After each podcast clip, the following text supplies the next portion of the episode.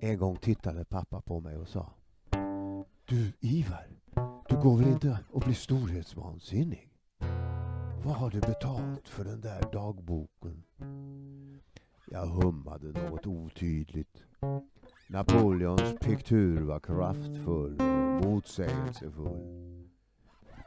Jag tänkte på mina konstverk av Rembrandt, Rubens, Terborch, Brouwer, Everdingen, Engelberts, Flink, van Goyen, Art van der Neer, Woverman, van der Velde, Jan Vajants, van Goyen, Albert Kup, Berkelhöjden, Decker, Rombots, Legrand, Philippe Mercier, Berkelkamp, P. van Leer, Jakob van Ruisdahl, van Dalen, van Goyen, Steinlein, Haydn, Hopperman, Konink, Lingelback, Lorm, Miervelt, van Kost, Raburn, Solomon van Reusdal, Röykert, skålar och karotter av Setelius, Sauer, Wallman, Grönvall, Silverberg, Palm och Nikolajsen blev det knappast bättre. Ett badrum stort som ett vardagsrum. Han blev nervös helt enkelt. Och jag bad honom ta det lugnt. Och en vinkällare utan make. Eh, det råkar bara vara så att vi har hittat på några finansiella metoder som underlättar för kapitalet att strömma fritt, ungefär som vatten i ett cykliskt förlopp. Vi får det att regna över polackerna och så rinner det i små bäckar och blir större åar och till slut ut i havet igen. Och det behövs mer regn i Karpaterna och över åkrarna och det roterar fint. Det är med pengar som det är med regnvatten. De rinner nedåt om ekonomin är frisk. Där de finns i överflöd rinner de dit där de saknas.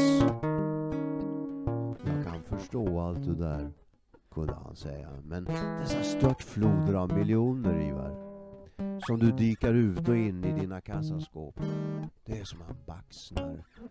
Du har 178 etsningar av Rembrandt. Och förutom din formidabla holländska samling har du därmed du kan uppvisa Munk, Liljefors och säkert hundra Zorn. Oljor, akvareller och etsningar. Och lika många bilar. Varav en är världens genom tidernas dyraste. Du har världens snabbaste båt. Du kontrollerar och heläger ett dussintal banker. Hur många bolag kontrollerar du? Ja, det är åtskilliga hundra, men det är inte bara jag, det är... Jag vet att du alltid försöker skylla på andra när vi kommer in på din rikedom och dina unika samlingar av klockor och bibliotek, men jag är rädd att det är ditt eget fel. Eller ska vi säga din egen förtjänst? Fel eller förtjänst? Ja, det vete tusan vad som är vad. Kanske du har rätt. Var jag möjligen lite rädd för att skrämma honom med mina ekonomiska framgångar. Där hade vi kanske igen en sorts rädsla jag kände. Eller i alla fall en oro för hans oro. Jag ville ju lugna honom mer än oroa honom. När det gällde min rikedom försökte jag mm, påpeka att jag inte bebodde några slott som Tenier, Hearst, Rothschild, Coty eller Lillebror. Fordon och fastigheter stod också genomgående till mina vänners och medarbetares förfogande. Dessutom är människor ohjälpligt lockade av framgångens mätbara aspekter och lustkrafter och dollar. När det gällde de internationella äventyren försökte jag hålla honom lugn med det faktum att det var en tid av ovanligt stora fredliga möjligheter och att jag lärt känna ett sällskap människor som till fullo ville utnyttja dem också. Det var inte bara Polen utan hela Europa som ropade efter industriella initiativ. Det rådde förvisso djup oro och skriande hunger här och där. Jag såg det mycket tydligt under mina ständiga resanden. Men jag ville mena att det var ju just genom att få guldet att strömma snabbare och som vi kunde lindra plågorna. Mindre skatter och mera välfärd. Det var fel tid att känna rädsla. Han menade att min optimism och tro på de sunda och balanserade principerna kunde vara blåögt. Det var alltid hårt i världen, även om det nu för tillfället rådde fred. Ja, visst. Jag var på intet sätt oinformerad om hur det stod till. Tvärtom. Jag hade sett de flesta av världens betydelsefulla regioner och hade informatörer i dem alla. Men en verklig förändring kan ligga i historiens stöpform. Och ju fler av kvinnligt kön som engagerar sig i politik och ekonomi, ju bättre. Vi hade ett internationellt nät av besittningar som gjorde det möjligt att i viss mån sväva över konjunkturväxlingarna och i själva verket så småningom agera världsbank med målet att stödja såväl inrikespolitisk som internationell avspänning och sämja. Vi försökte med bevarad god balans agera så att koncernen växte där det fanns växtutrymme krymptes där utrymmet minskades av något skäl. Sådana skäl, sa pappa, kommer tyvärr med jämna till mellanrum hur man än försöker undvika dem. Jag visste väl det, men menade att det fanns tillräckligt många som hade upplyst mig om detta faktum och det kunde räcka. Jag bara får påpeka att det fanns regioner även under krigen som i så fall är tämligen säkra. Skandinavien till exempel. Särskilt Kalmarsund. Jag hade faktiskt förmånen att samtala med en del representanter för familjen Rothschild i sådana säkerhetsfrågor och fick goda inblickar i hur de arbetade efter freden, för freden, efter Waterloo. Det rådde förödelse då, liksom nu, och det gällde att bygga upp Europa igen. Mayer Rothschild såg i motsats till Gustav Vasa till att hans söner höll sams. Jag tog helt enkelt parti för det tänkande och handlande som var inriktat på samarbete och återuppbyggnad. Pappa suckade och sa att jag nog hade den rätta grundfilosofin trots allt. Det är dina största bolag som är dina söner. De samarbetar otroligt fint. Ja, det kanske är så. Men betänk att Rothschild först slog till med en närmast krigisk kupp efter eh, sista slaget och kunde därmed ta initiativet till den fredliga och lönsamma kampen som skulle komma igång om att få ta hand om uppbyggnaden i Europa. Ja, jag kände mycket väl till detta. Otaliga var de skrönor som var i svang om denna tillräckligt skickligt genomförda spekulation. Men det var helt enkelt då, liksom nu, en fråga om att inhämta information före alla andra. Information och kunskaper. Ibland närmast löjligt mödosamt inhämtade. När slaget vid Waterloo pågick höll sig Nathan Rothschild beredd att inhämta informationer. Han höll en stor post engelska statsobligationer. Mycket stor. På kvällen efter, att det stora, efter det stora slaget la hans förtrogne agent Rothworth ut från Ostende trotsande rykande storm och sin egen skräck för hav och blåsväder med ett nytryckt holländskt nyhetsblad i väskan och i gryningen kom båten in till Folkestone hamn där Rothschild lät sig övertygas att Napoleon slutligen var besegrad av Wellington. Rothschild red tillbaka till Londons spårsträck när börsen öppnade den 20 juni 1815 stod han som vanligt vid sin pelare och bjöd ut varenda statsobligation han hade. Lord in heaven! Det blev panik och mäklarna viskade och skrek att England hade förlorat. Och katastrofen var ett faktum kursen på engelska statsobligationer sjönk med rasande fart. Alla vräkte ut sina ägodelar. Det dröjde många timmar på grund av den rykande stormen innan Wellingtons kurir kom med sitt glada budskap att England stod som segrare och att Wellington hade gjort sin plikt och äntligen fått stopp på tyrannen. Då hade Nathan Rothschild plötsligen köpt allt han kom över av statsobligationer till vrakpris och kursen vände med segerbud och steg mot svindlande höjder. Kunskaper kan brukas och missbrukas.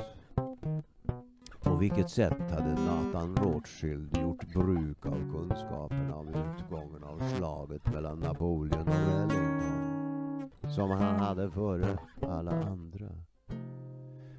Pappa tyckte inte det var lätt att avgöra. Den som ger sig in i leken får leken tåla. Det var ju onekligen ett elegant sätt att förmera sin förmögenhet.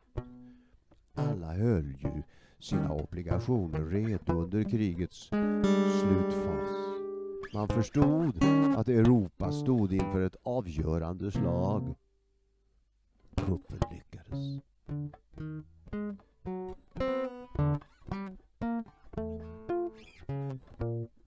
Sedan var det ju liksom lättare att arbeta för fred. Just det. Min valutatransaktioner. valutatransaktion när svenska kronan efter världskriget stod fel mot dollarn och justeringen stod för dörren var det ju mer ett passivt utnyttjande av en bilateral obalans. Vi var eniga. Pappa sa att det fina tyckte han var att jag med tändstickor hade byggt de första internationella nätverken av företagande. Jag skyndade mig att påpeka att jag inte hade kommit någon vart utan Kahn-metoden och det jag lärt mig när jag byggde skyskrapor i New York. Att bygga ett företag är lite som att bygga ett hus. Det gäller att göra rätt saker i rätt ordning. Då dök mamma upp i sällskap med mina kära systrar efter att ha varit ute på en cykeltur. Och vi var genast överens om att de franska kvinnorna hellre ville ha ett, eh, en telefon och en tvättmaskin än ett nytt magert ransoneringskort. Det var bara det att de inte visste hur det skulle gå till. Jag visste i alla fall hur man måste börja, även om jag skämtsamt och försiktigt dolde denna min insikt. Det var ju en kalkyl på den högre nivån som jag bedrev. Att hjälpa La lösa sitt lån till Morgan skulle kosta 75 miljoner dollar. Och jag visste att jag kunde ordna det åt dem. De polska affärerna gick som på räls. Och de som hade investerat var mer än nöjda. Det skulle inte vara svårt att få dem att investera i nästa stora statslån. Men det här blev farligt. Det insåg även jag. Räntorna kunde hållas låga genom att vi fick monopolen och det skulle göra morgonrosen rasande. I Stalins ögon skulle det vara uttalad kontrarevolutionär aktivitet att stödja Frankrike i detta läge. Jag låg personligen mycket lågt här och endast Poincaré och Briand och några få andra visste att jag var förmögen att uppfylla deras önskningar. När det kom till emission var det skandinaviska och Lee Higginson som handskades med radioreportrarna. Där fanns många dugliga män att skicka fram. Rydbeck i Skandinaviska banken hade en lysande förmåga att hålla informativa utläggningar för ekonomiska dilettanter med mikrofon. Vår egen Sjöström var också mycket bra på pedagogik. Han var vältänkt, frisinnad. Littorin var en klippa att stödja sig mot. Han var särskilt bevandrad i tyska omständigheter och hoppades att vi skulle stödja Tyskland nästa gång. För balansens skull. Vi litade i alla avseenden på varandra. Det var så jag kunde ha det med mina vänner. Utan dem skulle jag ha blivit en förläst knodd. Vännerna var livets ljus. De betydde allt. Därför var det inte dumt att ha Jordal nere på gatan. Han och Billy såg till att sondera vilka som var villiga att investera och sedan kanaliserade vi med hjälp av Duran och de andra från Egilsson pengarna dit där de gjorde mest verkan. Om det var någon som kunde visa upp hyggliga och bra affärer var det Sir Higginson själv. Själva sinnebilden av det civiliserade och konstruktiva. Affärsmannen med en enkel grund. A zest for life. The heart of youth. And the gift for friendship. Det var samma slag i firman. De var av samma slag i firman och vi stod varandra mycket nära. Även om de tyckte att Jordal var aningen vräkig. Men de visste ju en del om filmbranschens sätt att göra allting larger than life. Det var kanske en kombination av mina provinsiella erfarenheter och min storstadserfarenhet som gjorde att jag kunde kombinera ytterligheterna och kombinera ytterligheternas argument bland mina vänner och få till synteser som olika intressen kunde acceptera och som samtidigt var lönsamma för koncernen. Men det skulle komma att bli ett riskabelt balansgångande och ett hårt arbete. Det visste jag. Och jag lät mina medarbetare också förstå, även en del av mina allra närmaste. Därav mitt ungkarlsliv också. Du går väl aldrig att bli munk? Undrade min söta lilla syster och sekreterare. Som jag faktiskt mer och mer misstänkte för att gå och bli nunna. Ja, tvärtom, svarade jag. Britta ryste.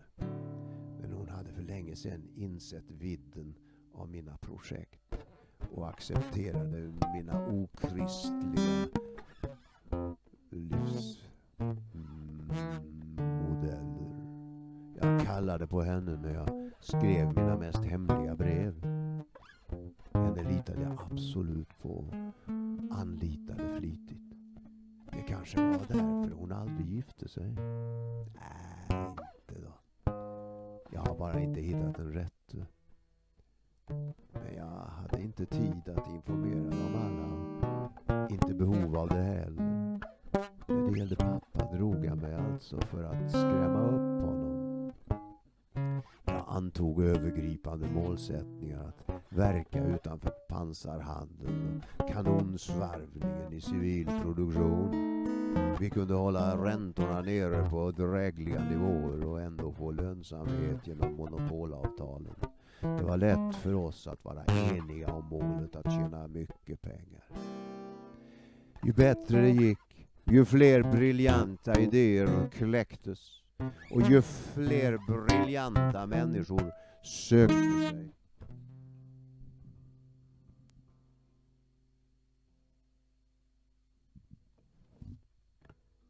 till oss. Vi satsade på konstnärer, designers, uppfinnare mer än på kamrerer och advokater.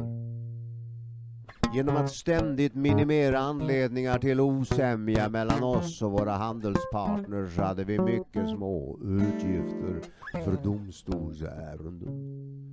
Den möjligheten hade vi rätten att utnyttja som civiliserade världsmedborgare, tyckte jag. Och trivdes betydligt bättre i liljekonvaljedoft än i doften av rökfritt Nobelkrut. Sådan var jag. Och sådan var Carl Milles. Vi gick om varandra då och då i sekelskiftets Paris. Ibland undrade jag om han gjorde något annat än arbetade. Nej, det gör jag inte. Och det var likadant med mig, sa han. Ivar arbetar alltid. Även när han dricker vin hos skulptören. Jag tyckte mycket om hans arbete.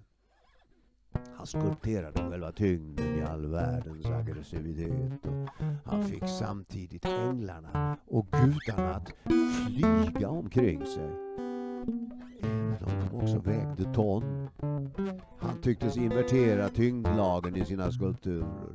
Det var någonting gracilt över hans stora statygrupper och det fanns ett enkelt syfte med dem.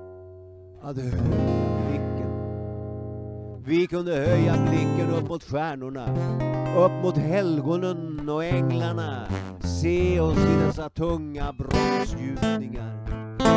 Milles arbetade som en bonde, befriad från beslutsångest. Han följde sitt kall och det fanns ingen tvekan och ruelse. Den skapande energin kom undvik skador av hårt arbete år efter år. Han högg och högg och högg och högg. Inga långrandigheter i vinkällarna där inte. Under Parisåren kunde han eh, skrapa gips. Det kunde bli ett snabbt glas och så hem till ateljén igen. Med skulpturkonstens övergamla redskap och arsenal av symboler på något sätt gestalta det nya elektromagnetiska tänkandet. Dessutom visste han vem Diana var. Vi enades om att hon skulle bli huvudpersonen i en skulpturgrupp som vi planerade för vårt stora bygge på Degerska tomten. Ska du hedra en barnbördsgudinna där? Hon var själva på nytt födelsens gudinna. Det är henne vi ska hedra. Hon var samtidigt jaktens gudinna och jag vördar henne och hoppas du kan placera henne vackert i en fontän. Det tror jag säkert att jag kan göra. Vet hennes präster vid Nemissjön avlöste varandra? Nej, det kunde jag inte säga att jag visste. Jo, Sameles. Den som kände sig predestinerad att bli en ny Diana-präst. bröt en gren från ett visst träd och smög sig på föregångaren och slog ihjäl honom. Ohemskt, sa jag. Det bryr vi oss inte om. Ser kraft att mana fram det på nytt födda. Inte hur hennes ynkliga präster kämpade om makten. Milles blev glad och satte genast igång med arbetet. Han placerade ett vildsvin och en hjort som bägge lockats av Dianas pipa i vardera sidan av porten ut mot Västra Trädgårdsgatan. Under den bågformade raden av stora fönster byggde han Dianabrunnen i vit ekbergsmarmor med Diana själv upplyft i dans av en härlig blomsterkalk helt utan trålighet i fontängården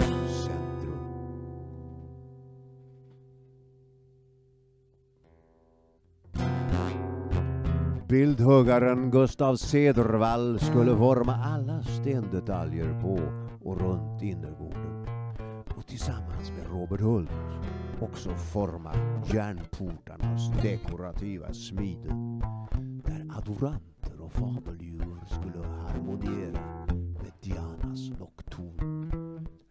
Lyssnande öron, vaksamhet och elegans. Målaren Grünewald visste exakt, sa han, hur vi borde ha det uppe i sessionssalen vars bakväga han såg på med lyssnad. Se på den här skissen. Prometheus kommer ridande på sin Pegas ner från skyarna och ger människorna elden.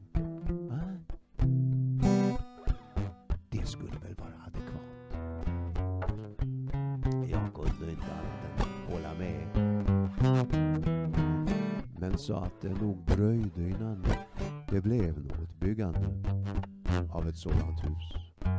Nej, se, trodde han då inte. Jag känner Ivar Tengbom och han säger sig vara i full gång med att göra sitt modernaste drömprojekt någonsin. Carl Malmsten säger sig ha möbelbeställning på gång av det verkligt stora slaget. Jaså, det visste du, sa jag. Men vi har inte kommit till utsmyckningarna ännu.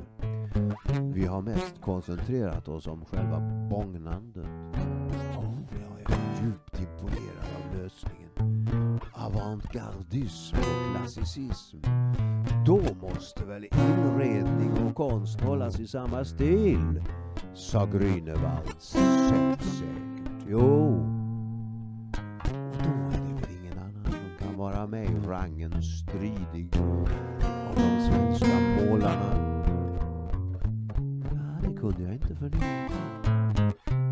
Jag gillade hans förslag att arbeta med en färgskala av Terra di Sien, Terra de Pozzoli, venetianskt rött kombinerat med Terre d'Ombre, Ombre Brûlé, guldockra, ljusockra, gråblått. Men tänk om jag valde en fransk målare, sa jag på skämt. Han mulnade hela.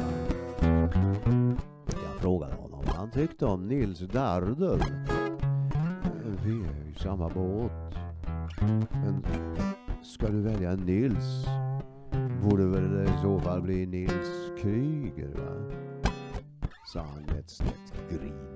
Även om hans ardenner hästar kanske inte passar så bra här i Stockholms city så gör domherrarna det. Vi var många arter i samma båt. De här första årtionden av 1900-talet. Eller snarare på samma båt. Skeppet Skansa låg uppdraget med snöhöljda kölen i vädret. Norge var fritt. Unionen upplöst. Efter en för Sverige mycket pinsam norsk folkomröstning av 368 392 godkända röster var endast 184 för en fortsatt union. Mer glädjande var det att vår finske broder kommit fri. Aldrig mera ryskt herravälde, jublade Aminov. Leve Paradoxalt nog var det för fortfarande livsfarligt att segla i Finska viken även om även efter den 6 december 17 när finnarna tackade för sig lät de revolutionsförsvagade ryssarna fara och flyga. De störtade istället omedelbart varandra i strupen och under inbördeskriget var terrorn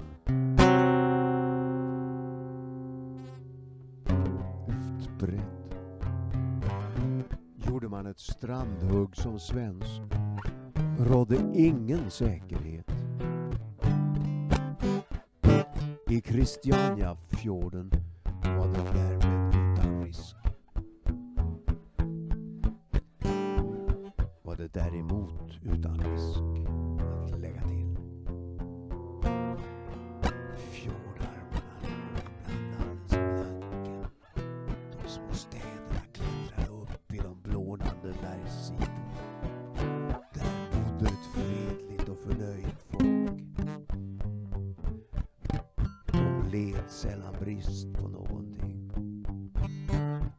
Var rikt i dessa benådade trakter. Och skogarna ner mot strandklipporna ännu fulla av vilt. Redan hade det sedan urminnes tider världsvid handel och kunde för det mesta finna fram mellan kanonbåtarna. Även om det hade varit vanskligare än någonsin. Även för oss neutrala. De sista världskrigsåren. Nikolaj Rygg och de ivriga norrmännen lämnade guldmyntfoten redan eh, 1916. Bara tre år efter the Federal Reserve Act hade antagits i USA och befriade sig från guldets börda och tillämpade John Laws modell på nytt och började trycka pengar utan att binda dess värde till något konkret. Det skulle nu med alla till buds stående egna norska medel köra igång sin industri. Borde kanske ha klarat det med en rikedom av vattenkraft, nickel, koppar, svavel, kväveoxider, inskeppade bauxit och skog som fanns att tillgå från Kristiansand till Rjukan, från Agder till Telemark. Under kriget gick det upp som en sol. Men efter det ned som en pannkaka. Hösten 20 var mörk. Och en plötslig deflation drabbade de optimistiska fabrikörerna råvaruproducenterna. Fiskare och bönder hade investerat allt de ägde och hade men de fick inte sålt vad de producerade. Konkurserna gick som en löpeld. Folk förlorade sina gårdar, fiskebåtar och drevs in i storstäderna och där var ständigt ren sörj. Och till Drammen och Oslo. Kristianstad. Parallellt med den tyska krisen föll den norska ekonomin ihop. 106 banker gick i konkurs. Och det var sannerligen dåliga tider för det unga Norge som efter det att frihetsyran och världsfredens glädje hade falnat föll samman över sig självt på något sätt. Man tvingades till drastiska omställningar från den lönsamma krigsindustrin. Kommunerna var tyngda av lån för att bygga ut kraft som industrierna i Skyen och Porsgrund skrek efter. När dessa inte kunde betala sina strömräkningar för att de heller inte fick sina produkter sålda blev det riktigt kritiskt. Kanadensare, engelsmän och framförallt Nollenburg. som var dominerande ägare av Norsk Hydro tog för sig för allt de kunde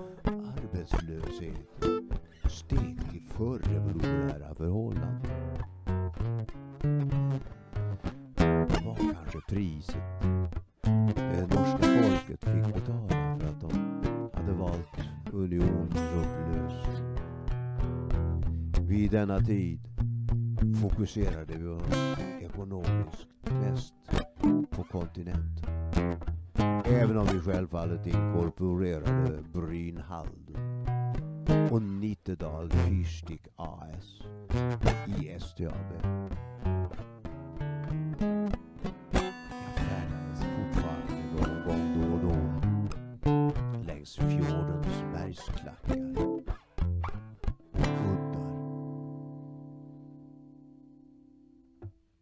På mitt spökskepp. Hon hade kanske alla sina syskon kvar i Buskerud. Vad skulle det bli av hennes släktingar? Vad hade det blivit av oss om vi hade hamnat i Drammen eller Christiania? Ja, kanske hade blivit universitetslektor i väg och vattenbyggnad. Och hon hade blivit gymnastikdirektör på något av Christianias gymnasium. Kanske skulle vi ha haft små skridskoprinsessor till döttrar när man firade att staden återfick sitt gamla namn, Oslo, den 1 januari 1925. Och Gustav Vigeland högg granit. Kanske mer precis och storartat intensivt än någonsin Michelangelo marmor. Granitblocket av Iddefjordgranit man hade forslat in i Oslofjorden från Halden var magnifikt. Och Gustav Vigeland började hugga fram potensens och förmerandets bauta. Kropparna nakna och djuriskt inslingrade i varandra. Släktens tillkomst och tillväxt. Det skulle bli den unga nationens sprängande, erigerade bauta. Hela staden var i omlopp igen. Det var ett underbart år. Eh, Locarno-traktaten skrevs under. Rhinpakten var ett faktum. Fredens och försoningens stämning eh, rådde överallt i Europa. Den norska ekonomin kom igång igen med nya ägare. Bågljuset slog fram syrerika kväveföreningar ur luften. Vattenkraften var outsinlig och luften gratis. Inte ens Nollenburg kunde misslyckas här. Och den norska staten fick givetvis sitt. Den statliga makten och Nollenburgarna gick alltid bra ihop.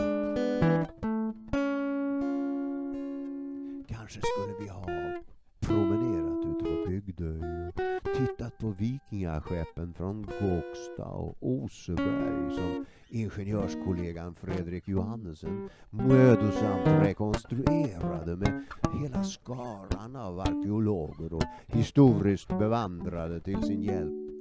Skandinaviens alla vikingexperter kände historiens väldighet växa fram med dessa skepps rekonstruktion.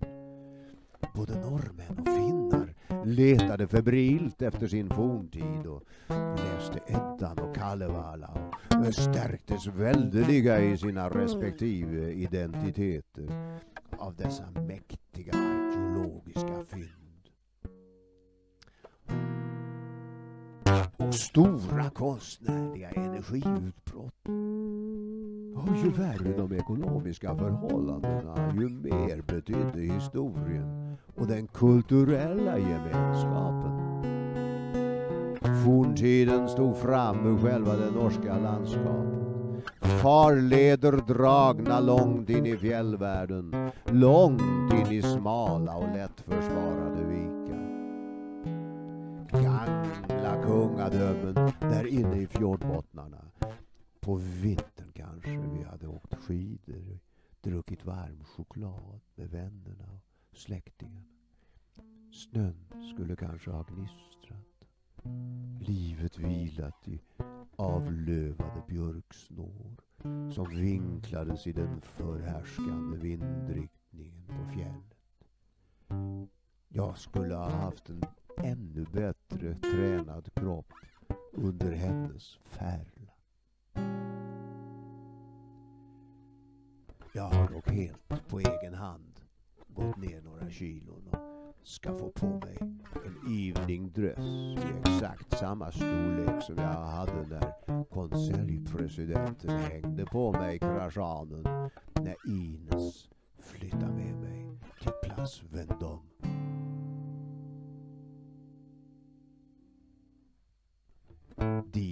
Vi bjuder endast de som lyckats klura ut att vi flyttat. Det skulle förhoppningsvis bli några ytterst få kortvariga gäster med insikt om mina prioriteter.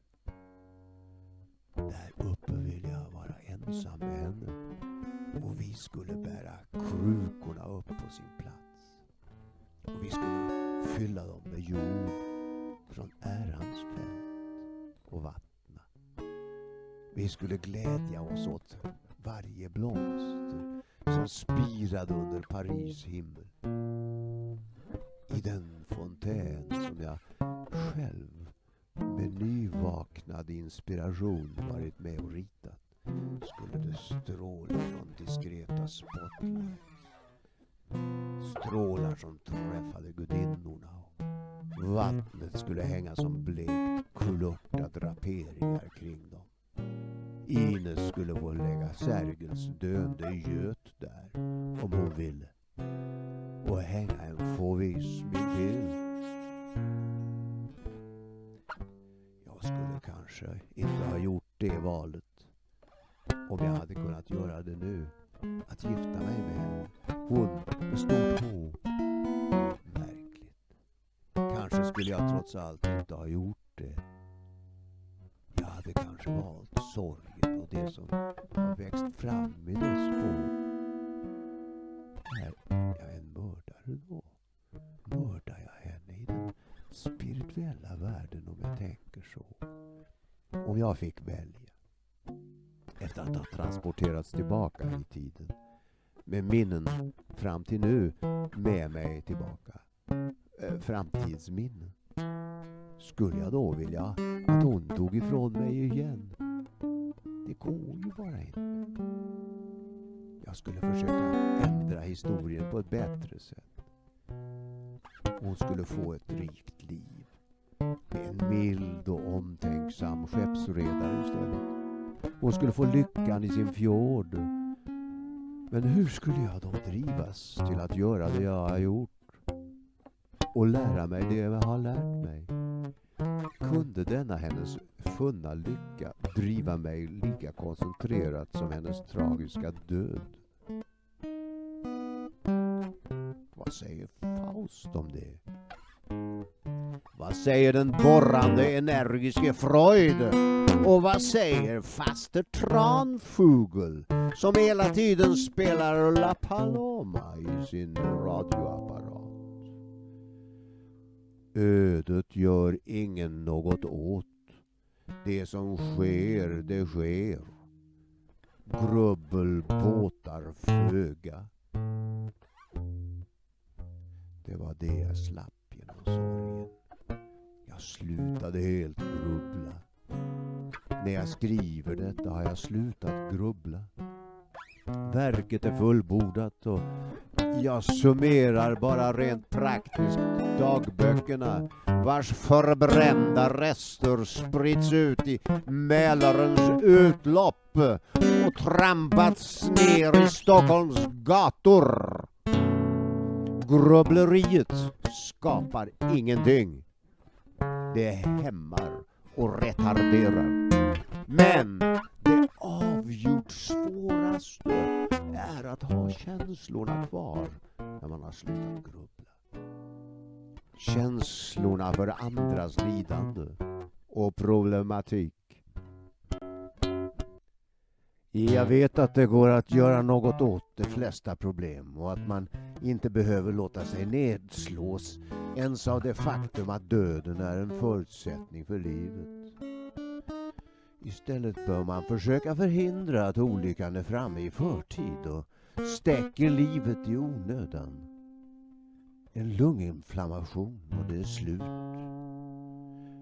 Vackra kvinnor, män i sin bästa ålder, barn dör i onödiga sjukdomar. Unga män drivs ner i skyttegravarna för att aldrig komma upp. Annat än konsubstansierade. Inte ens James Joyce humoristiska ateism kommer undan det faktum att mycket av världens lidande är onödigt.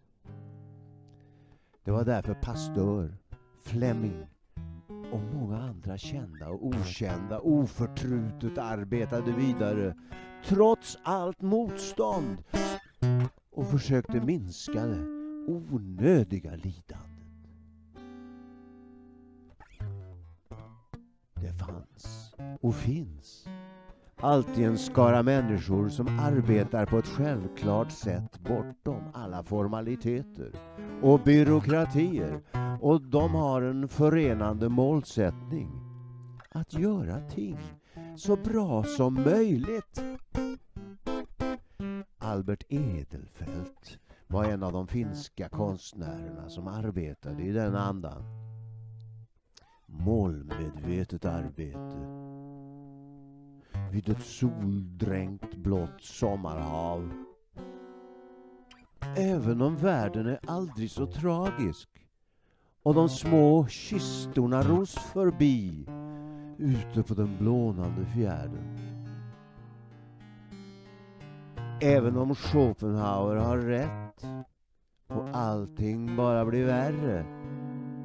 Och Nietzsche har rätt i att allting är för jävligt redan från början och hela universum en motbjudande idé.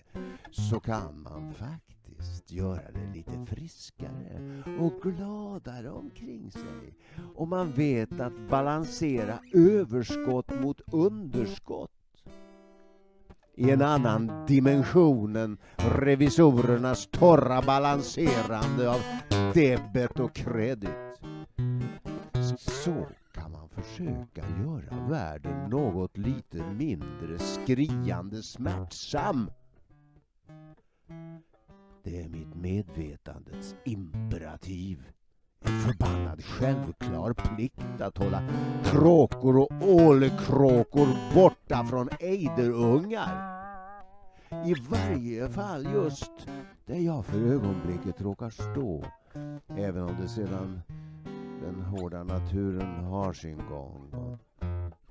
Även om sedan allting går vidare när man vänder ryggen till. Även om revolutionärerna också gör sitt jobb så bra som möjligt och manar på den hårda historiens gång och exekverar eh, den mm, historiska plikten att slå sönder det gamla.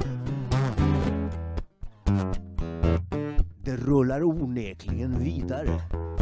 Några skjuter på och andra bromsar. Först är det de mest energiska ungdomarna som är revolutionära påspiskare och till dess att de i medelåldern finner sig med familj och yrke och närmast automatiskt driver sig därhän att de får sig själva och sitt närmaste att tänka på och känna ansvar för då blir man bromsare. Om de lever länge nog vill säga. Nepotismen är dessutom som den brukar vara bland borgare i städerna liksom bland bönder i provinsen. Kungaätter kommer i samverkan över nationsgränserna. Mm. Jag borde kanske bett Nils måla några av sina gamla kusar på några av våra väggar. Men jag tvivlar förstås på att han skulle ha tackat ja till ett sånt uppdrag. Han trivdes inte så bra i storstaden och ville helst sitta i sommarskymningen och måla slätterna där hemma. Runt i det bukoliska lugnet och hade en fin tillvaro där sällan börsskrålen och restaurangklirren hördes. Där endast kreaturens bjällror stilla klingade i fjärran. Vi var nära släkt, men levde mycket olika liv. Han var min kusin, men där han målade domherrar tvingades jag umgås med jurister ätter krigar sig fram till rikedomar och blir fredliga. Fredliga ätter förlorar inflytande och går i krig. Ätter är ibland huvudsakligen vänliga och snälla människor. Och ibland huvudsakligen elaka. I uppgång hårda och sedan i framgången mjuka och till sist kraftlösa. Fugger får nästan fatt i den svenska malmen, hammaren. Men Vasa rycker den ur handen på honom i sista ögonblicket. Tillfälligheter, igen. Ja, visst. Egentligen var Gustav Vasa bara ute efter att komma åt sin faders drapsman. Den tämligen demokratiska och folkvänlige Kristian. i Sverige lika fullt kallad tyrann. Men i Danmark den gode. Efter Stockholms blodbad. På vägen kom han åt Fugger. Järnmalmen blev därmed kvar i svensk ägo. Nu var det jag som ägde hammaren. Mjölner. LKAB. Gränges och Stora Kopparberg. Nära var det att jag kom åt att slå den i jättens skalle. Närmare än när Carolus Rex slog den i Narva och inledde det stora nordiska kriget just mot jätten Utgårds.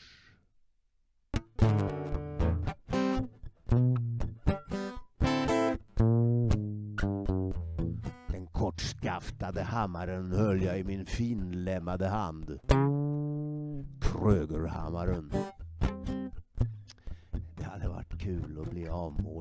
Gustav Cederström så bekvämt tillbakalutad i en av mina skrivbordsstolar och istället för för min förgyllda Eversharp-penna skulle jag hålla den kortskaftade Kröger lite bakvänt och nonchalant.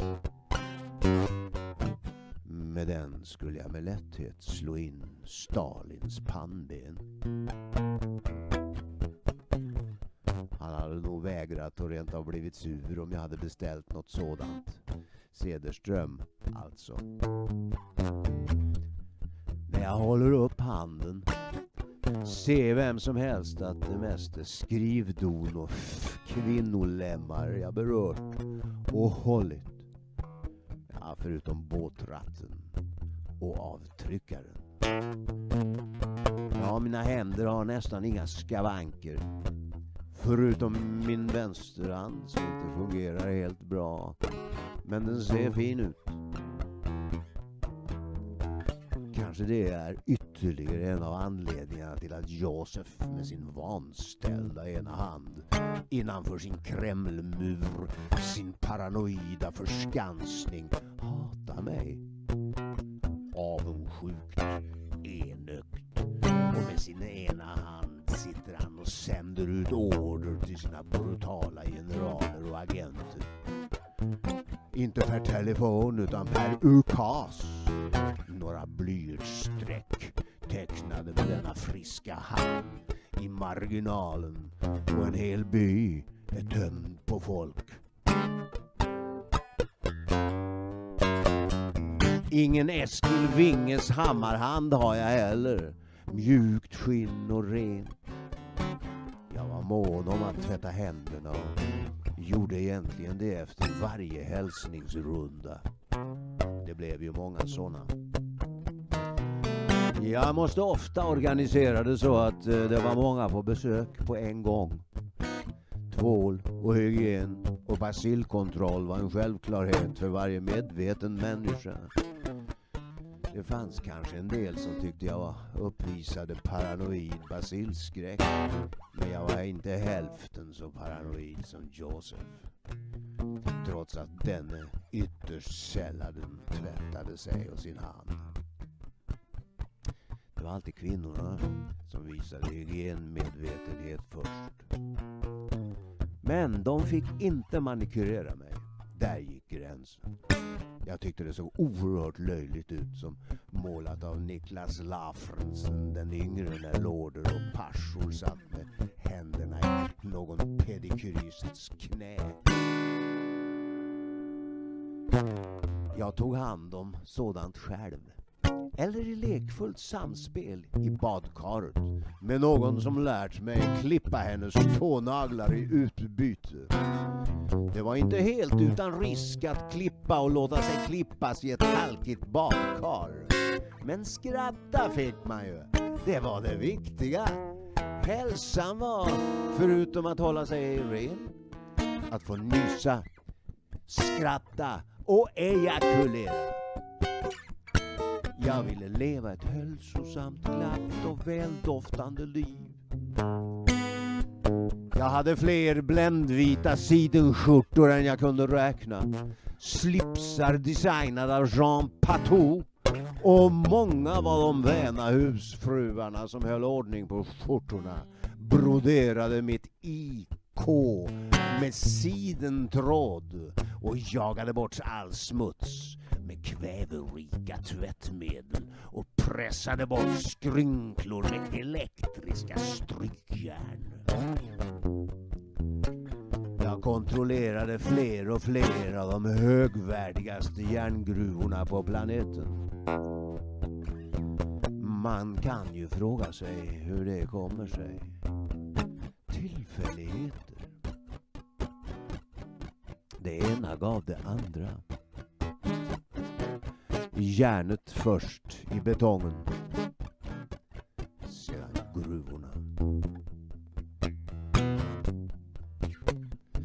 Järnet blev mitt öde. Mer än guldet. Järnet stålhårt och guldet blankmjukt.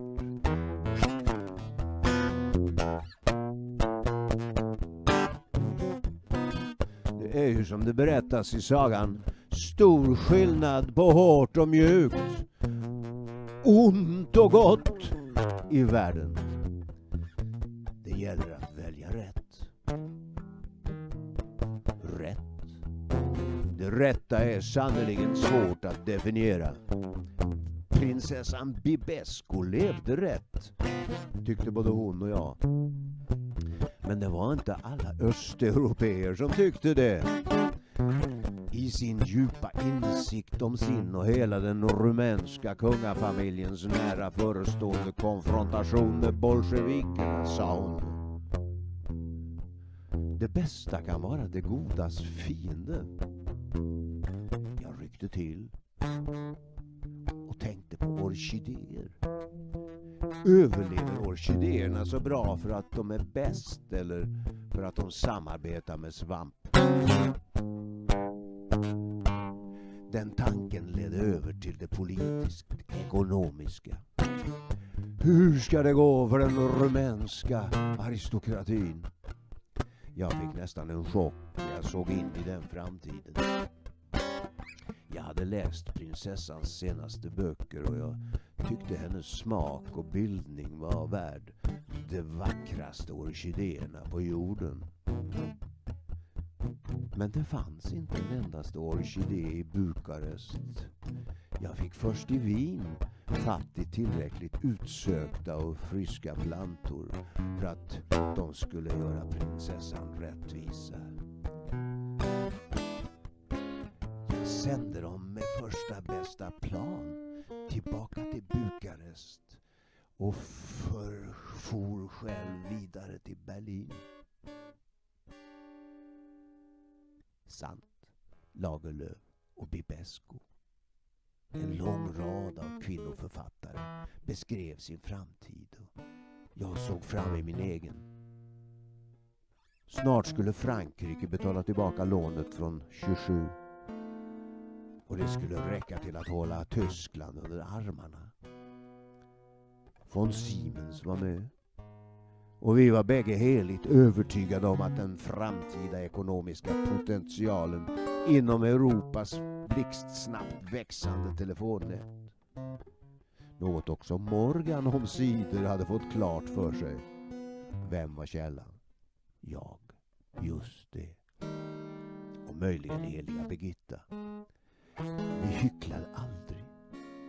Och det var fint för unge JP att konsultera oss. Han luskade ut den självklara sanningen ur oss. Varsågod. Om den civiliserar framtiden en liten aning, varsågod. Nollenburg som återigen gav intryck att vara med på vår sida i rekonstruktionslånet till rumänerna slog nollan till växeltelefonissen och kopplade sig till New York. Hur skulle jag kunna säga nej till hennes förfrågan om jag var intresserad av vad som hade sagts under samtalet?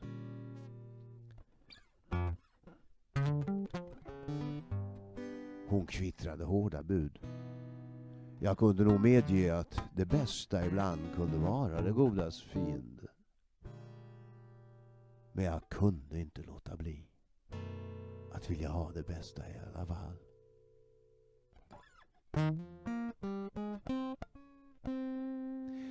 Det var lätt för mig att förklara för ingenjörerna på Ericsson hur jag ville ha händerna fria. När jag arbetade och vi skissade och testade och så fick vi in en högtalare i själva telefonfundamentet med batteriet. När det ringde hängde jag av telefonluren för att sedan skriva vidare samtidigt som jag pratade. Världen ändrade snabbt form de här åren. Och fonografens utveckling och musikindustrin satte fart på utvecklingen av mikrofoner och högtalare och vi kunde hitta fram till bra tekniska lösningar som gjorde att jag kunde gå omkring i rummet. Något som förbättrade mitt tänkande samtidigt som jag talade. Vi hade installerat en telefonväxel som gjorde att jag kunde ha en mängd personer uppkopplade samtidigt. Jag lyckades också få telefoningenjören att montera in en radiotelefon i min Phantom 2 och göra det möjligt att konferera även under färd. Jag kände mig aningen fånig när det viskades på Rolls Royce-fabriken om svenskens fantastiska idéer. Men jag spelade inte charader lika lite som Frederick Henry Royce eller Charles Stuart Rolls gjorde när de beställde en design på kylargallret som utgick från och återspeglade snittet och den geometriska harmonin i de gamla grekiska templen. Utan jag var ute efter en utilitaristisk fulländning.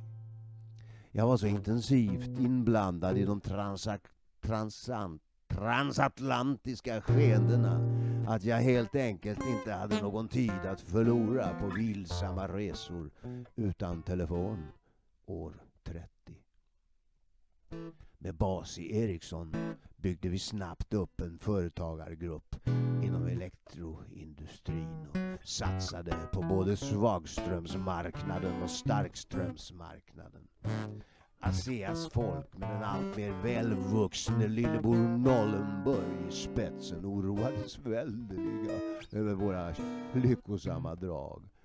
Han försökte desperat visa sin maktfullkomlige storebror som alltid höll en tumme i ögat på honom och sin gamla sure gubbe till farsa att han dög något till.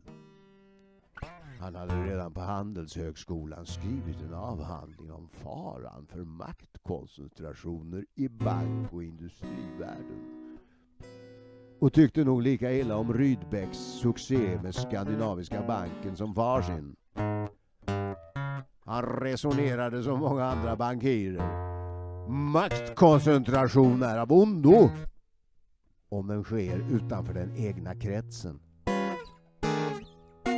I den där släkten höll man på med tungrodda och depressiva projekt, projekt hela tiden. Atlas Diesel sprattlade de med i långa tider och det gick bara sämre och sämre och de hade sannolikt gått i konkurs om jag inte hade fallit ifrån. De kunde stämma ihjäl Rydbeck och tvinga SKF och Scania Vabis att rulla deras väg. För varje gång jag kom med en hjälpande hand fick jag otack tillbaka, blankt avslag och till sist nådastöten. Men det första året på 30-talet var mitt. Och jag stärkte mitt inflytande på de flesta marknader och var hela tiden tvungen att försöka transponera de hårda världspolitiska fakta till kommunicerbara enheter, informationskvanta. Jag gjorde det även mitt under en färd i baksätet på min snabba och tysta och vibrationsfria mm, Rolls Royce mästerverk till automobil som... Eh, och jag hade en nästan knasterfri radiotelefon.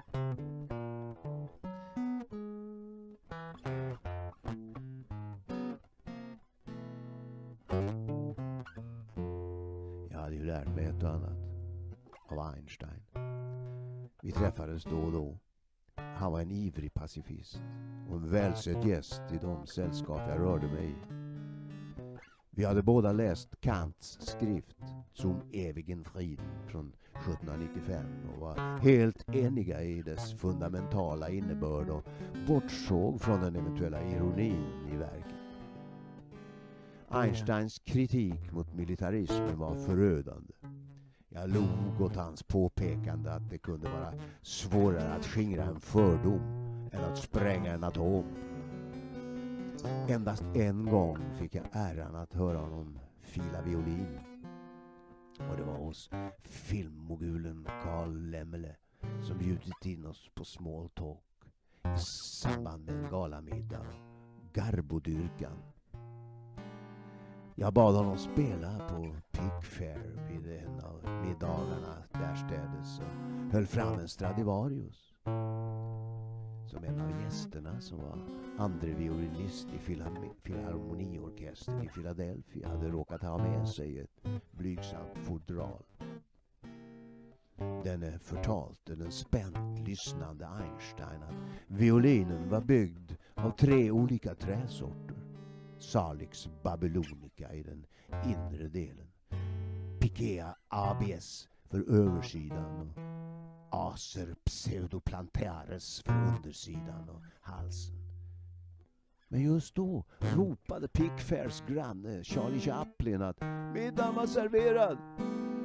Det blev inget spelat den gången. Vad är det egentligen en atom? Vad är egentligen en fördom? Och vad är egentligen en atom? En at fördom? Atom?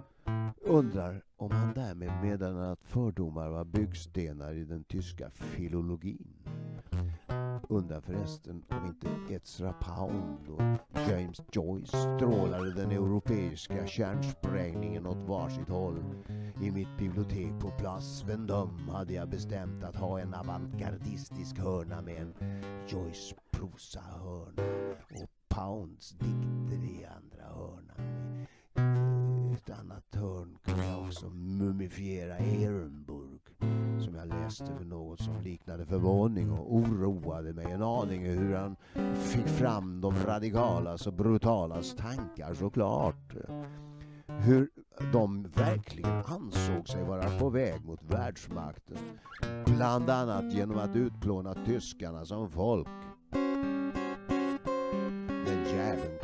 Olsson och blåste språket i trasor som ett kornettsolo på en jazzklubb. I skolan i Kalmar var jag klassiskt omusikalisk tillsammans med klasskamraterna av lektor Dusén och adjunkt Mulle under det att musiken nu inspirerar mina tankar nästan lika mycket som rosor, orkidéer och litteratur. I skolorna borde det vara fakta som var utbildningsgrunden. Här är alla kända fakta. Ställ sedan frågorna. Var finns musikens rötter? Hur har musiken använts? Kan man verkligen blåsa sönder murar? Musiken är som skakningarna i själva jorden. Vad är det värsta med jordbävningar? Jo, att hela städer ramlar ihop och människor dör. Alla kände ju till katastroferna i Lissabon, San Francisco, Messina. Vad kan man göra? Ja, man kan bygga mekanmetoder. I det fallet är järnet gott. Tyvärr stoppar skolböckerna ofta vid det faktum som redan är föråldrat. Och när en del ungdomar kommer ut ur skolväsendet är de äldre än vi medelålders samhällsbyggare. Det låg en plågsam tröghet i undervisningsbyråkratin och det dröjde inte länge efter bildandet av eh, SSSR 22 förrän det värsta av dem alla, den bolsjevikiska pedagogiken, visade upp sig. Allmänna fakta var förbjudna och endast sådant som bolsjevismen definierade som fakta tilläts. Lysenko och Stalin satt som faktasmeder och letade efter forskare och tänkare som hade fel. För att så fort som möjligt förgifta dem, tortera dem och sända dem till skovlarna i norr, där de fick gräva sina egna gravar. Skulle det byggas en kanal från Vita havet till Västersjön skulle projektet också genomföras. Även om det inte fanns en enda grävmaskin att tillgå. Den självklara byråkraten som gjorde saltomotaler i Stalins och Lysenkos anda kombinerade helt enkelt Lenins sociala program att utrota feltänkarna, kulakerna, kapitalisterna och aristokraterna med att skicka dem till Vita havet för att gräva kanalen för hand. Det var värre eller Banatos och Rhodes skickade sina arbetsstyrkor ner i diamantgruvorna. Hur det nu än var sökte sig de flesta gruvarbetarna mer eller mindre frivilligt dit. Och hittade man en egen fyndighet kunde man bli rik. Och även om de fastnade i vajernätets spindelvävslikna fälla kunde de försörja en familj. När det gäller de borgarsvin som samlades ihop för att gräva Vita havskanalen, Bellomor, fanns ingen familj längre. De grävde sig rakt i döden där i den arktiska kölden. Där stelnade baroner och grevar. Där stelnade och krumnade kejserliga och tsaristiska ädlingar tillsammans med bönder, bojarer, filosofer och fabrikörer. Med sina tunga släggor, kilar, skovlar och usla björnskinnsmössor höll de sig varma till de plötsligt en dag svimmade och frös ihjäl. Och någon annan tog släggan, mössen, mössan och lössen. Vad är egentligen rätt? Det här kunde väl ändå inte vara rätt? Belomor-projektet var definitivt mer ociviliserat än när Panamakanalen byggdes. Och det var maskinerna som gjorde det tunga jobbet. Och arbetarna fick bra betalt. Att så många dukade under berodde inte på illvillig politik utan på mygg. Fransmän och amerikanare förstod inte förrän efter en lång rad offer att det var myggen som var fienden. Mygg var visserligen inte längre lättare fiende att slå än bolsjevikernas bödlar, men ändå. Där var jag kantian och såg avsikten som avgörande. Myggor hade inte någon avsikt. Det hade bolsjeviker.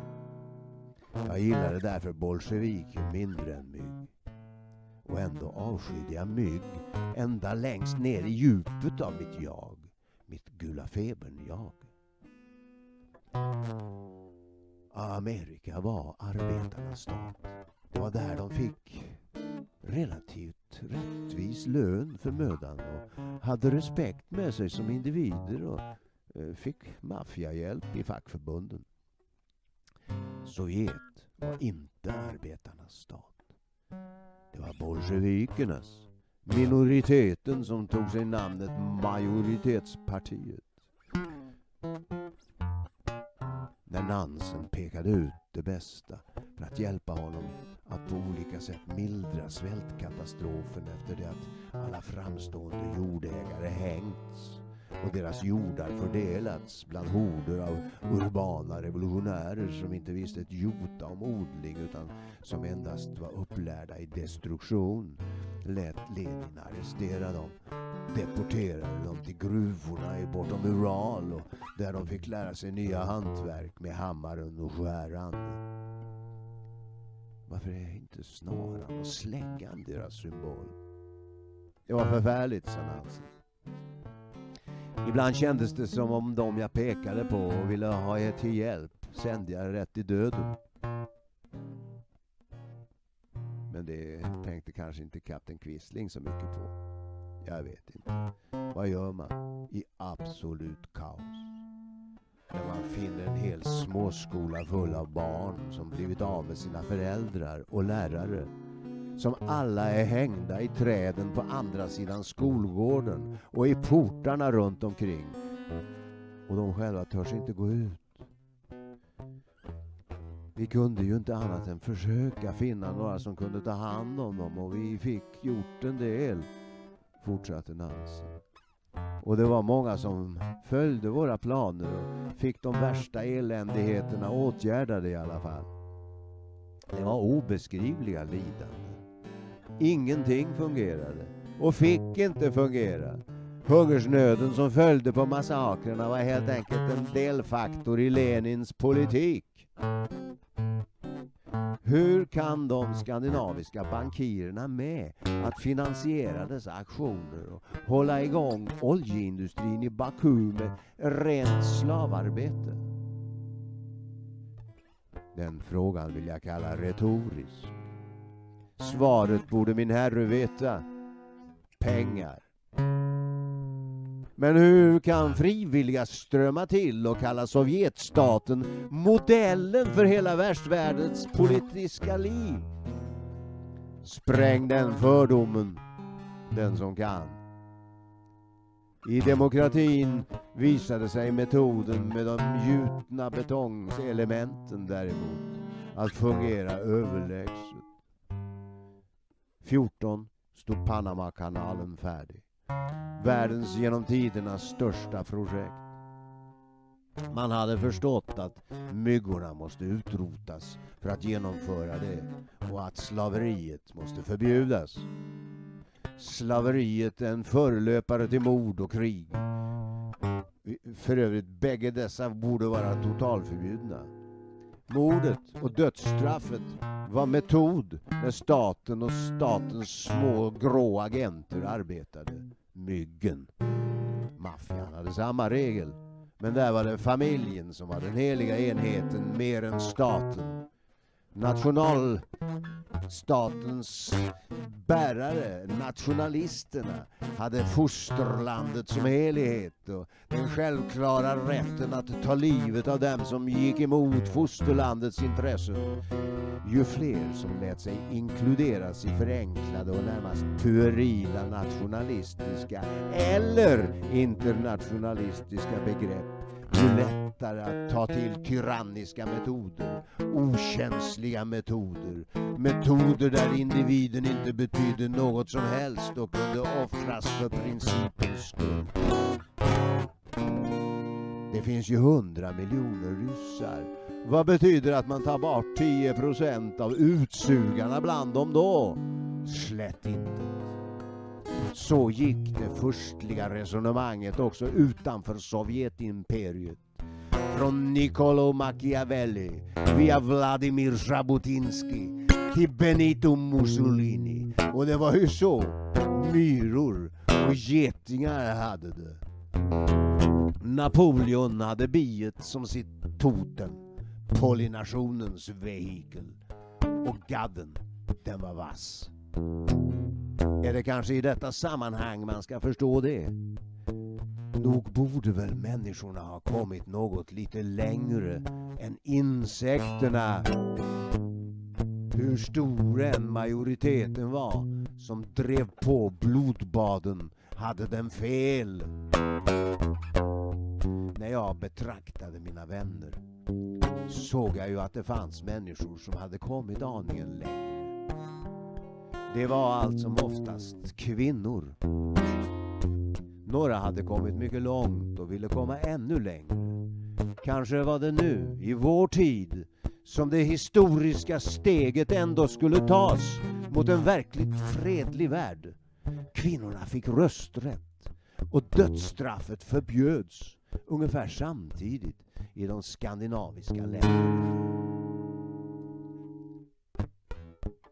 I mina bästa stunder kunde jag inbilla mig att det var tid för den stora förändringen mot en bättre värld. Och lyckades även inbilla andra detta. Med den teknologiska utvecklingen och möjligheten att fördela överflöden som nu kom med de nya kommunikationerna skulle det vara möjligt att ta ett nytt utvecklingssteg. Hur mycket än bolsjevismen var en ny form av slaveri som togs i bruk i den moderna Sovjetstaten med påföljd att allt blev försenat och försämrat och Bellomor en manifestation av det yttersta barbari. Något den kultiverade Olof Aschberg inte för sitt liv kunde hålla med om. nej, nej, nej, nej. Det där är bara kontrarevolutionär propaganda och rena amsagorna. Han hjälpte till med den första bolsjevikiska guldexporten tillsammans med professor Lomonosov, Guarantee Trust Company, som i Stockholm ordnade omsmältning och stämpling med svenska myntverkets stämplar och erhöll som räntebonus många hundra ikoner som bolsjevikerna hade slitit ner från kyrkvägarna samtidigt som de tvingade prästerna och munkarna att störta kyrkklockornas malm ner från tornen. Böndernas magra hästar piskades sedan att dra dem till smältugnarna varomkring alla hästar och präster snart låg begravda någon fot under jorden. Aschberg fraktade hela lass med dessa ikoner hem till Sverige. En liten behändig bonus för att ha finansierat oktoberrevolutionen. Repet på råttan och Birgittas manuskript i ett dominosprång vidare västerut efter ikonernas och guldets språng över Baltiska havet. Vi hade inte mycket mer att säga varann. Jag visste och han visste, eller ville inte veta. Det var ett instinktivt maktval. Han kanske var lika flexibel som jag. Hovet! Den som lever får se. Det gäller inte bara att välja rätt en gång för alla. Utan att välja det alternativ som är rätt för stunden. Flexibilitet. Improvisation. Ande och materia. Än det ena, än det andra. Självklara skillnader. Och omärkliga, överraskande övergångar. Det är nog därför jag omedelbart tog till mig jazzen snabba vilda kast under ordnade förhållanden. Halvtoner och synkoper, medvetna dissonanser, prövningar och test. Man kan ha nytta av att tänka så ibland. Även om det också gällde att försöka tänka Wagner ibland. Som stötarna gjorde. Hos honom och hos Bach visste man hela tiden ungefär vad som komma skulle. Där fanns en sorts matematisk logik. Musik och litteratur hade formalistiska likheter därvidlag. Mozart var modern redan på von Fersens tid. Han berättade om kraftverken och kraftfälten i världen mellan instinkter och insikter med geniets lätthet.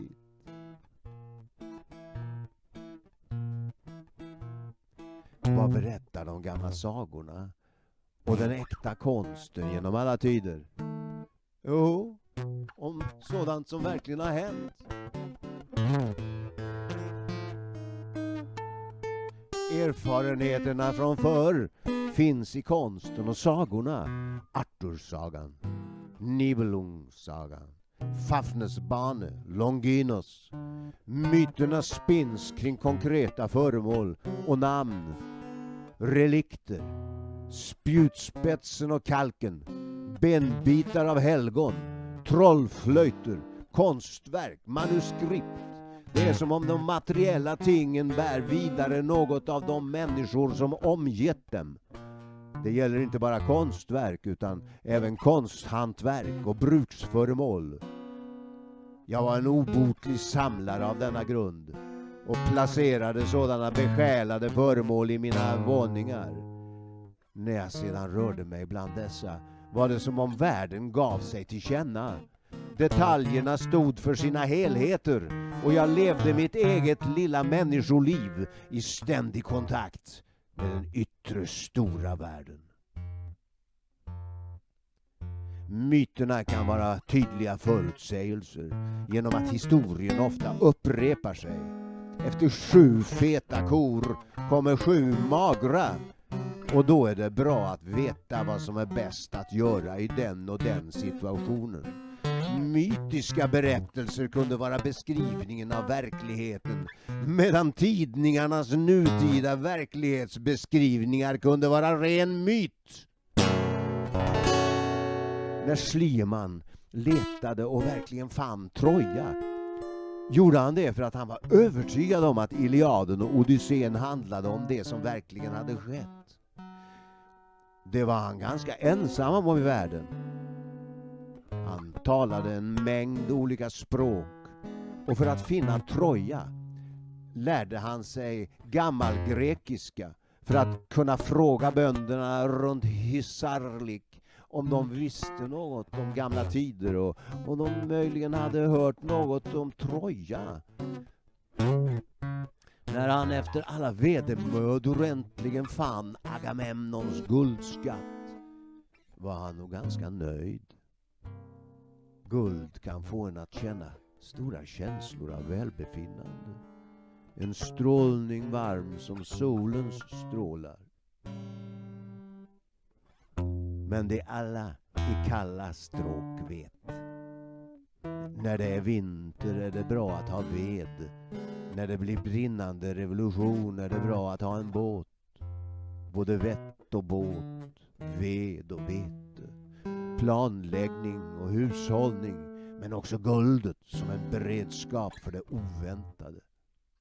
Det sade redan Jacques Coeur som etablerade guldstandarden i bjärt motsats till John Law och stabiliserade den franska valutan 1450.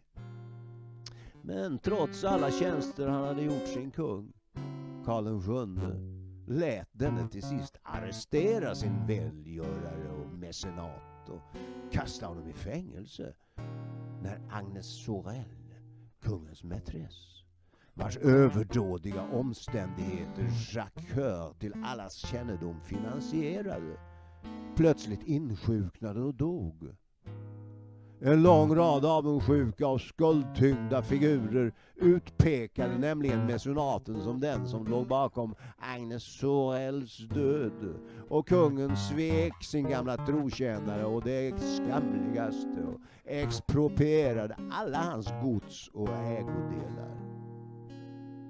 Han kunde väl inte rå för att älskarinnan förråd sig på gåslever och tryffel faktiskt ett ännu skamligare beteende än den totala oförmåga kungen uppvisade när det gällde att ställa upp för Jeanne d'Arc.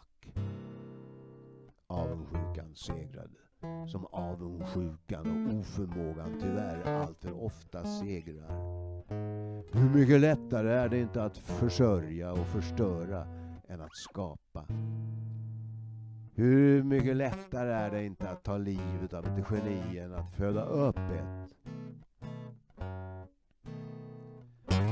Det var nog mest mammas förtjänst att jag såg planläggning och hushållning som självklara viktigheter. Hon förmedlade hushållningens principer i sitt görande och inte i sitt förmanande. Hon förmanade sällan. När det var sådana tider att knaperheten anades även i Kalmar bodde vi alla syskon i ett rum och det var ingen som gnällde över det.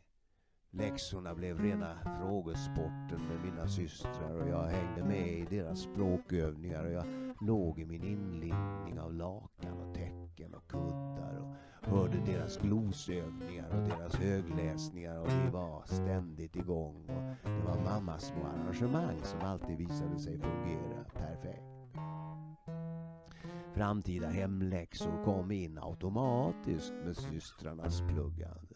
Det var alla mycket ambitiösa och det var alltid en laddad stämning vid frukostbordet när någon skulle ha ett prov och jag var den som försökte lugna ner den här nervositeten. Vi läste ofta tidningar tillsammans till frukost och en augustimorgon fick hon ögonen på en överskrift i Östgöta korrespondenten och utropade Sverige åt svenskarna. Så dumt och inskränkt.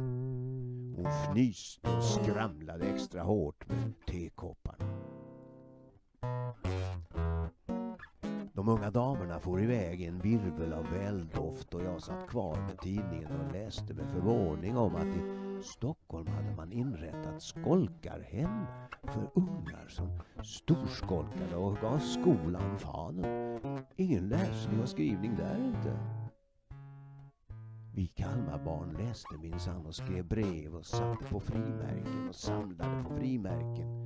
Min specialitet var isländska och jag kunde byta till mig riktiga rariteter. Det fanns gott om affärsmän och samlare ute på skolgården. Det gick in med djupt allvar i sitt frimärkssamlande och var de man kunde sälja de dyra märkena till. Så var det sådana som satte igång samlandet för att andra gjorde det och egentligen hade velat ägna sig åt riddarlekar vid borgruinen. De gjorde en del planlösa uppköp och sedan la de ner verksamheten och realiserade sina album. Där kunde man finna godbitar. Svårigheten var bara att komma åt albumet utan att verka alltför angelägen. Helst skulle man råka få syn på det av misstag och se det ligga i någons hylla när man umgicks av helt andra skäl än av affärsskäl. Jag ville göra mina goda affärer bland goda vänner och försökte göra alla nöjda och ändå tjäna en god slant. Om jag sedermera insåg att det fanns filatelister som kunde offra allt för att få tag i det gamla feltrycket från eh, Nya Guinea var det varenda skolpojkes dröm att få fatt i varan i rätt ögonblick. Rätt vara i rätt ögonblick.